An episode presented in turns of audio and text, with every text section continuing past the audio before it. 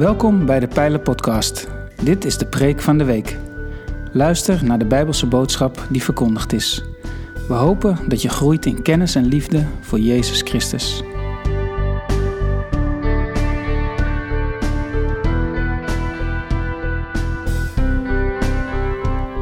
Ook in de Pijler zijn we gestart met een nieuwe kerkelijk jaar. Het overkoepelend thema dit jaar is Alleen Samen. In de komende vier weken staan we stil bij het thema Alleen Samen Pelgrims. En we doen dat vanuit de psalmen, de pelgrimsliederen die beginnen in Psalm 120 en eindigen in Psalm 134. Vier keer zullen we preken uit een van deze pelgrimsliederen. Ik heb boven mijn toespraak gezet de volgende titel. De vreugde en eer om met beide voeten het huis van de Heer te betreden.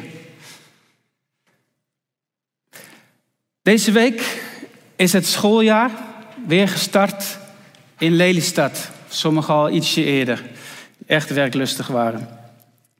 De Flevopost, als die op je mat valt, de Lelystadse editie in ieder geval, die opende zelfs met de titel Nieuw tijdperk voor voortgezet onderwijs.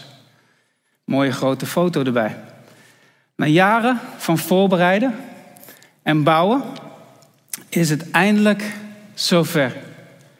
Porteum heeft de deuren geopend voor haar medewerkers en vooral voor de leerlingen. Ik wil graag met jullie even kijken naar een fragmentje van die feestelijke opening voor medewerkers. Duurt een minuutje. Er waren beelden van. Wauw. Wat voor indruk laat dat bij jou achter? En niet zomaar even je schouder ophalen, beste broeder. Groot. Wat een prachtig complex hebben ze hier neergezet.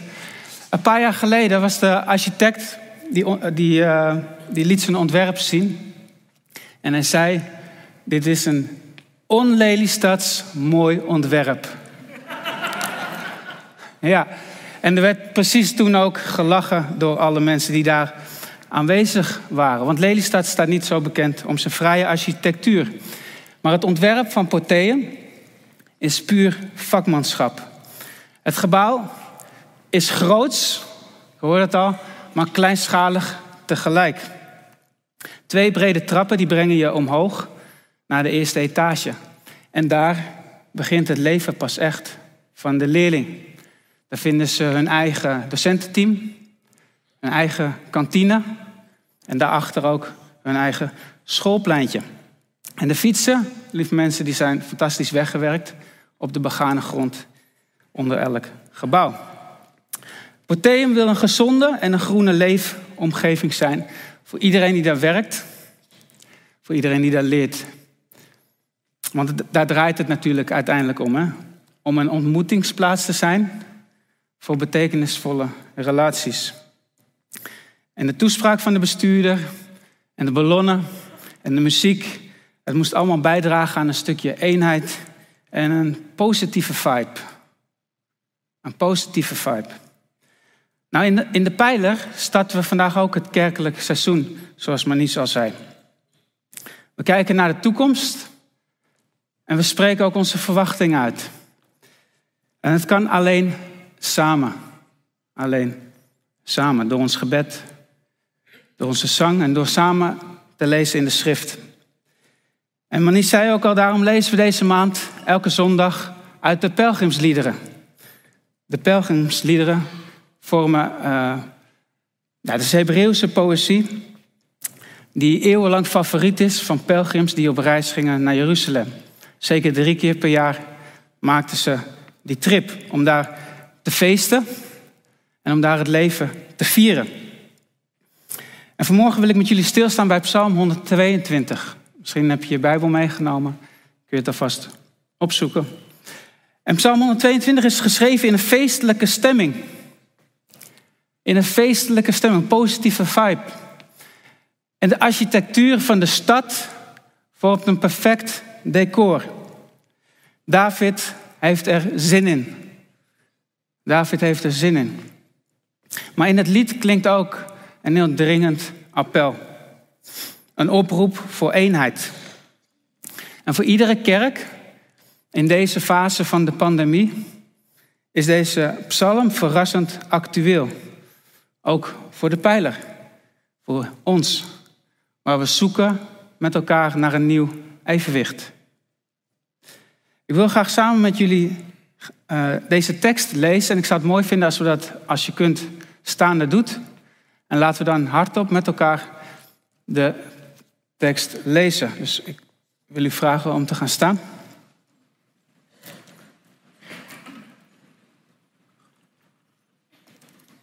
En dan lees ik het voor en probeer een beetje mijn ritme aan te houden.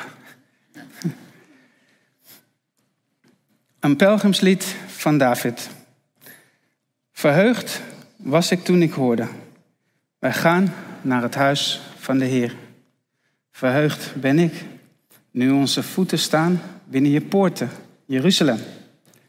Jeruzalem, als een stad gebouwd, echt en dicht op één. Daar komen de stammen samen, de stammen van de Heer, om Israëls plicht te vervullen, te prijzen de naam van de Heer. Daar zetelt het gerecht, daar troont het huis van David. Vraag om vrede voor Jeruzalem, dat rust hebben wie van je houden, dat vrede heerst binnen je muren en rust in je vesting. Om mijn verwanten en vrienden zeg ik, Vrede zij in jou. Om het huis van de Heer, onze God, wens ik je al het goede. U mag gaan zitten. Prachtig om samen te starten ook door te lezen uit het geschreven woord van God. Deze psalm heeft als opschrift een pelgrimslied, hebben we gelezen. Je zou ook kunnen zeggen lied van de traptreden. Waarom? Vanuit welke kant je ook naar Jeruzalem gaat, en een heel aantal van jullie zijn daar wel eens geweest, of je nou uit het noorden komt of uit het oosten, je moet altijd omhoog. De stad ligt op een berg, ongeveer 750 meter boven zeeniveau. En tijdens die klim werd Psalm 122 gezongen om goed in de stemming te komen. En zo oranje als de treinen naar Zandvoort uh, kleuren, zo opgewonden waren de voeten op de traptreden naar Zion. Want boven op die berg, daar begint het leven pas echt voor de pelgrim.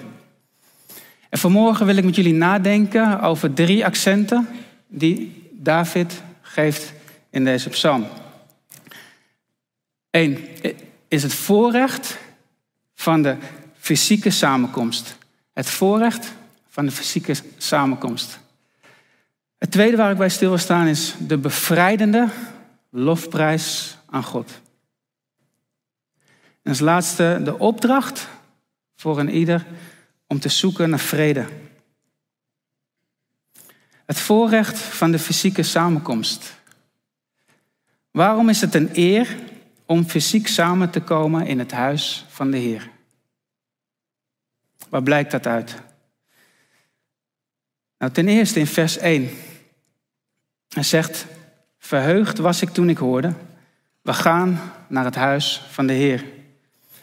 Het is opvallend dat David zich laat enthousiast maken, dat hij zich laat enthousiasmeren door de grote massa. En dat hij zich laat uitnodigen door het gewone volk om die kant op te gaan. Die plek waar God wordt vereerd. Het huis van de Heer. Om daar zijn plicht te vervullen. Nou, waarom is dat opvallend? Het is opvallend omdat hij de koning is van Israël. Hij is de machtigste, meest bekende, invloedrijkste persoon van Israël. Persoonlijk door God aangewezen. Jeruzalem is zijn stad. En toch laat hij zich aansporen. Geen arrogantie, geen elitair gedrag, maar vreugde. Puur oprechte vreugde, blijdschap. Hij voelt zich niet te belangrijk. Hij voelt zich niet uh, te geestelijk. Uh, David is, hij is high class, maar hij gedraagt zich niet zo. Wat zegt dat over zijn hart? Wat zegt dat over zijn diepste overtuigingen? Deze man die weet wie de bron en de beschermer is van zijn leven. Door tijd en ervaring heeft David zijn plekje leren kennen. En het is voor hem een eer om de meest betekenisvolle relatie die er bestaat, de persoonlijke relatie tussen God en een mens, om die te onderhouden. Midden in de gemeenschap. Samen pelgrims. Hoe kijk jij daar tegenaan? Samen pelgrims. Laat jij je graag enthousiasmeren door andere mensen? Hoe ging dat vanochtend bij jullie thuis?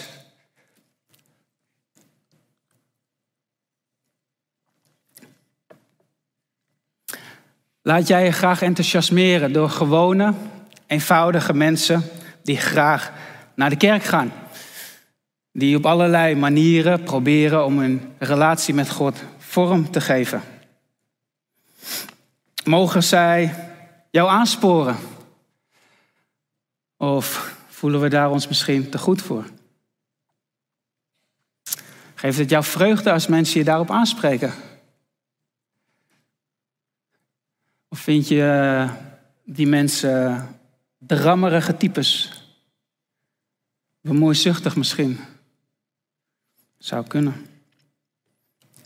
Misschien heb jij spiritualiteit al lang geleden losgekoppeld van de gemeenschap. En ook David had kunnen zeggen: bemoei je met je eigen zaken. Bemoei je met je eigen zaken. Maar dat zegt hij niet. En als deze man met zijn cv de fysieke samenkomst waardeert, hoeveel meer zullen wij de fysieke samenkomst dan waarderen, lieve mensen? Bijbelse spiritualiteit blijft nooit steken achter de voordeur. En pelgrims die dat begrijpen, die worden met vreugde meegenomen. Door andere voeten die al lang onderweg zijn. Nou, wat blijkt het voorrecht van die fysieke samenkomst nog meer uit? Uh, je ziet ten tweede, als je goed kijkt naar de woorden en de beelden die David gebruikt, uh, dat ze heel erg zijn zintuigen benadrukken. Wat hij ziet, waar hij zijn voeten neerzet. Hij zegt, vers 2 en 4, verheugd ben ik, nu onze, meervoud, nu onze voeten staan binnen je poorten, Jeruzalem. Jeruzalem, als een stad gebouwd, hecht, dicht op één. Daar komen de stammen samen de stammen van de Heer. David die voelt zich blij en bevoorrecht. Zijn voeten staan in de stad. En terwijl hij rondkijkt in die stad, is hij onder de indruk van wat hij ziet. Opgewonden pelgrims, overal gezellig lawaai, rumoer, mensen die er zin in hebben. Eh, de skyline van de stad natuurlijk, de prachtige poorten, die verbonden zijn met indrukwekkende stadsmuren voor bescherming. Uh, je ziet pleintjes met marktkramen, huizen op de heuvels. Hij is onder de indruk. In alles wat hij ziet, straalt de stad een eenheid uit. En godsdienstige Joden, tot op de dag van vandaag, die zien daarin de hand van de grote geestelijke architect met de hoofdletter A. De grote bouwmeester die in Jeruzalem troont. En het is een eer om daar rond te lopen. Het is een eer om daar geduwd te worden door andere pelgrims die enthousiast zijn. Al zijn de twaalf stammen verschillend, al zijn de subculturen nog wel eens met elkaar in botsing, het is een voorrecht om samen op te trekken naar het huis van de Heer. Naar de plek waar God zichzelf persoonlijk laat kennen. Dan stel ik nog een keer de vraag: kijk jij ook zo naar de plaatselijke gemeente, lieve broer, beste zus? Kijk jij ook zo naar de pijler? Want dat is natuurlijk het wonder van het Nieuwe Testament. Dat is het wonder van het Nieuwe Testament. Dat Paulus heel direct tegen de Grieken in Korinthe zegt: U bent een bouwwerk van God. Jij, zoals je hier zit, wij, jij bent een bouwwerk van God. Hij labelt de jonge kerk in Efeze als een tempel. Als een plaats waar God woont door zijn geest. Letterlijk zegt hij dat. Laat het gewicht van die woorden even indalen. Pelgrims die Jezus hebben leren kennen, die hoeven niet langer op reis naar Jeruzalem. Dat mag natuurlijk wel, maar het hoeft niet. De plaatselijke gemeente, overal ter wereld, dat nou vijf mensen zijn, 500. Dat is een plek waar God aanbeden kan worden met al je zintuigen. En het is een voorrecht om die plek te betreden met beide voeten. Het is een voorrecht.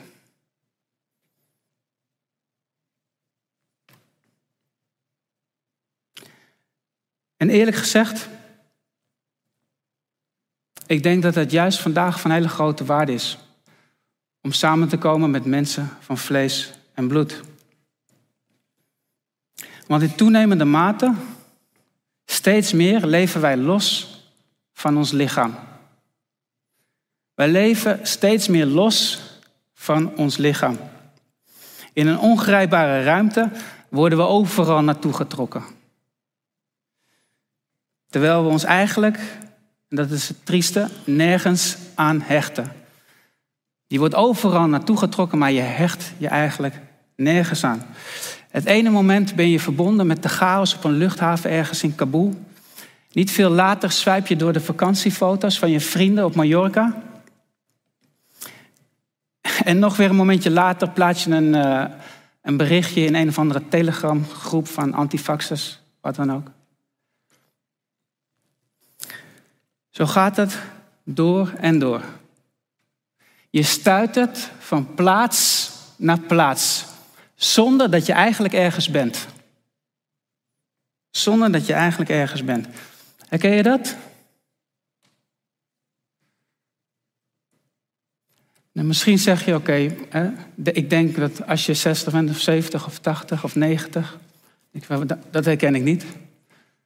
Dat is waar. Dat is misschien waar. En ik zeg het met alle respect. Maar u bent een uitstervend ras. U bent een uitstervend ras, helaas.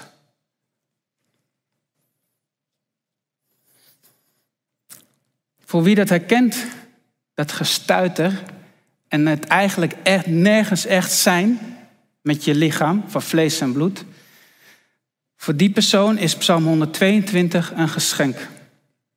Een geschenk. Je bent gemaakt om op echte plaatsen, hier, vandaag, met echte mensen in verbinding te staan. Daar kan informatie op een scherm nooit tegenop. Never nooit. Weet je, ik weet nog goed, na de eerste lockdown, of in de eerste lockdown, kinderen en leerlingen waren blij. Geen school, meer vrijheid. Ja? Makkelijk. Maar de meeste van de leerlingen die ik heb gezien, die liepen na een lockdown, wanneer de poorten weer wijd open gingen, met vreugde naar binnen. En je weet dat het zo is. Niet zozeer misschien om de lessen, maar wel om weer mensen te ontmoeten. In een eenzame wereld waarin we steeds meer losleven van ons lichaam, biedt de kerk, biedt de pijler een prachtig alternatief. Een fysieke gemeenschap met mensen van vlees en bloed. En het is een voorrecht om je daarbij in te voegen. Om je te hechten aan die lokale kerk. En om samen de relatie met God te onderhouden. En dat brengt me bij het volgende punt wat naar voren komt in de psalm. De bevrijdende lofprijs aan God. In vers 4 beschrijft David wat die verzamelde menigte daar doet in Jeruzalem. Daar komen de stammen samen, de stammen van de Heer, om Israëls plicht te vervullen. De prijzen de naam van de Heer. Als je een persoonlijke relatie met God hebt, dan kun je die onderhouden door lofprijs. Door lofprijs. Maar hoe ziet dat er concreet uit? En wat bedoelt de Bijbel daarmee? Is dat alleen het samenzingen van gospelmuziek? Het, absoluut, dat is het ook. Maar het is meer dan dat. Het Hebreeuwse woord voor prijzen betekent ook danken. Schuld beleiden. Dat is dus ook wat de pelgrims in Jeruzalem deden. Vooral door het vieren van de grote feesten. En het waren vaak agrarische feesten. En gisteren was er in Lelystad een oogstdag. Misschien ben je er geweest met je ouders, zelf. Hartstikke leuk om daar naartoe te gaan. Georganiseerd door een aantal boeren kon je oogsten. En wie voedsel oogst, die beseft veel beter dat het niet vanzelfsprekend is dat de koelkast gevuld is. Die beseft dat je afhankelijk bent van het weer en van omstandigheden. En als je alleen naar de supermarkt gaat met je karretje, dan sta je daar toch veel minder bij stil. En in Jeruzalem was er ruimte om dankbaarheid uit te spreken. God zorgt voor zijn volk. Hij voorziet in wat mensen nodig hebben. Lichamelijk, voedsel, maar ook voor je geest. En dus werden ook de grote daden van God herdacht. Daden waarin God ruimte en vergeving schenkt aan mensen die dat niet verdienen. En in de kerk wordt de naam van de Heer ook op die manier geprezen. Geprezen. Door gebeden, door de stilte. Maar die zei dat ook al. Door met anderen te delen wat je zelf ontvangen hebt. Offergave. Gewoon een inzet van je, van je kostbare, vrije tijd. En voor David was het geen straf. Het was voor hem geen straf, maar het was voor hem een bron van vreugde. Is dat ook de manier waarop wij onze lofprijs aan de Heer geven? En ik noem die lofprijs bevrijdend. Ik noem die lofprijs bevrijdend. En wat bedoel ik daarmee? Het lofprijzen van God wie dat leert in zijn relatie met God, die kan jou bevrijden van het verpletterende gewicht van de ik-gerichtheid die op ons leven drukt. Van het continu bezig zijn met jezelf. Met je cv, jouw ontwikkeling, met je uiterlijk, met je ongezonde Hang naar aandacht en bevestiging. Vul maar in. Een groep mensen van vlees en bloed, zonder online filters, om gebreken, om zonde te maskeren, die samen heiligheid nastreeft, die meer interesse heeft voor het verheerlijken van God dan voor het aanprijzen van het ik lieve mensen, dat is een geestverruimende gemeenschap. Dat is een geestverruimende gemeenschap. En juist daar kun je tot bloei komen als mens. Juist daar kun je tot bloei komen als mens. Woorden zoals God je heeft bedoeld. Tussen zulke pelgrims is het goed toeven. Week in, week uit word je geholpen om je blik gericht te houden op boven. En op zij. Even niet steeds naar jezelf. En dat is uiteindelijk heel bevrijdend. Dat is echt bevrijdend. In de, in de kerk kun je die vreemde paradox ervaren. Waar Jezus het over heeft. Waar hij over spreekt toen hij zei. Want ieder die zijn leven wil behouden, die zal het verliezen. Maar wie zijn leven verliest omwille van mij, zal het behouden.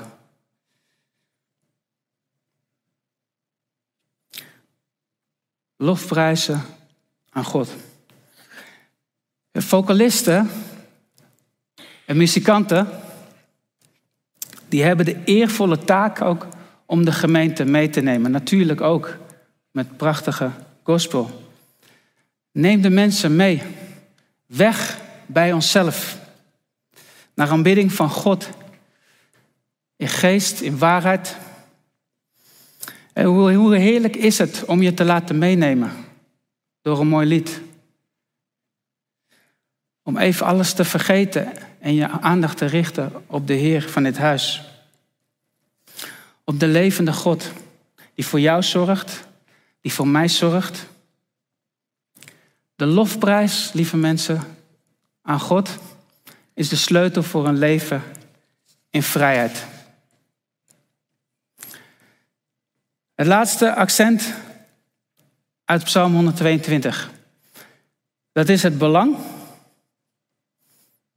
Ik zou willen zeggen de plicht om te zoeken naar vrede. Dit pelgrimslied van David eindigt in de laatste verse met een hele duidelijke oproep. Ken jij de vreugde om met beide voeten het huis van de Heer te betreden? Vind je het een eer om een persoonlijke relatie met God te hebben?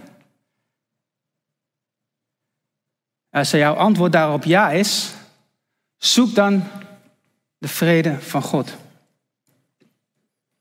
Zoek de vrede voor Jeruzalem, voor het huis van de Heer. En vrede, vrede is vertaald, en dat weten jullie wel, daar hebben we het vaker over gehad in de pijlen, van het Hebreeuwse woord shalom. Dat is een heel rijk woord. En bij shalom gaat het veel meer dan om alleen de afwezigheid van conflicten, van oorlog. Shalom heeft te maken met het totale welzijn, met hoe jij je voelt, van top tot teen. Het raakt je uh, gezondheid, je financiële middelen, je veiligheid. Het raakt zelfs je persoonlijke relatie met God. Het raakt alles. En dat blijkt ook wel uit het laatste vers als David zegt. Om het huis van de Heer onze God wens ik je al het goede. Al het goede. Shalom wijst ook vooruit naar de toekomst, waarin alles wat nu nog verbroken is, wat nu nog verziekt is, wat nu nog irriteert, volledig geheeld zal zijn. Nou, waarom roept David op tot blijvend gebed voor zijn stad, Jeruzalem, stad van de vrede? Het is vrij logisch, lieve mensen. Het is vrij logisch. Alleen met vrede in de stad was er voor de pelgrims toegang tot het huis van de Heer. Geen vrede betekent geen festival op Sion. Alleen maar rood-witte linten op de trappen die naar boven gaan. Als jij de goedheid en de liefde van God hebt geproefd, lieve mensen, dan gun je dat hopelijk aan iedereen. Dan hoop je toch dat het huis van de Heer open is voor wie daar een bezoek wil brengen. Dat mensen er niet vanaf, uh, ja, dat het niet afstotelijk is, maar dat het een aantrekkelijke plek is om daar een bezoek te brengen. Jaag de vrede na. Omwille van je familie, omwille van je vrienden, omwille van de wereldwijde kerk. Het is het belangrijkste ingrediënt voor een gezonde kerk. Eenheid. Shalom. Eenheid van de mens met zichzelf, In de relatie tot de gemeenschap en in de relatie tot God. Dan zal de geest van God optimaal tot zijn doel komen in en door de plaatselijke gemeente. Ruzie zoeken.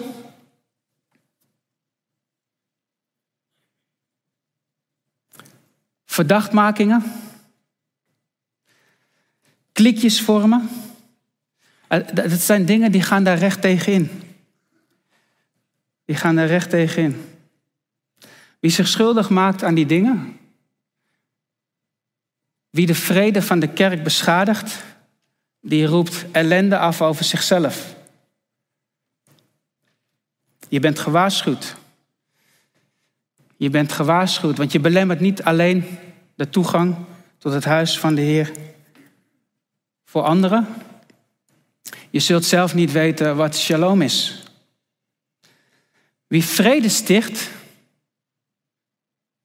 wie vrede sticht, die zal daar ook de vluchten van plukken. Dan zal je de zegen oogsten. Je zal een kind van God worden genoemd. Jezus Christus, de Zoon van God, die gaf zijn leven voor de kerk.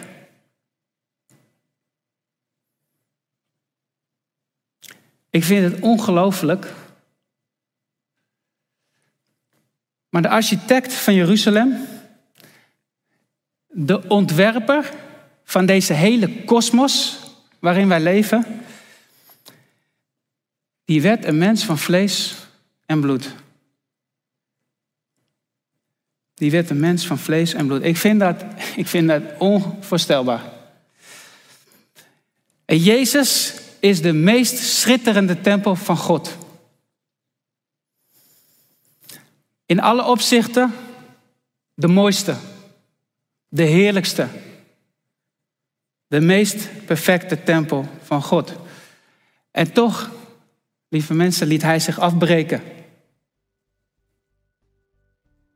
Hij liet zich afbreken voor al die stammen van de Heer.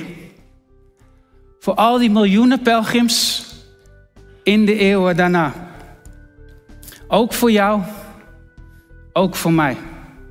Zodat wij mogen delen in die meest betekenisvolle relatie die er bestaat in het leven. Een leven verbonden met God. En het is geen toeval dat je hier vandaag bent. Het is geen toeval dat je vandaag misschien kijkt naar de livestream. Laat je komend jaar opbouwen in de pijler. Kom vol vreugde met beide voeten naar het huis van de Heer. En laten we samen de Heer lofprijzen. Ongefilterd. Het hele jaar door. Ik wens jullie allemaal het goede toe. Vrede zij met jou. Vrede zij met u. In Jezus' naam. Amen.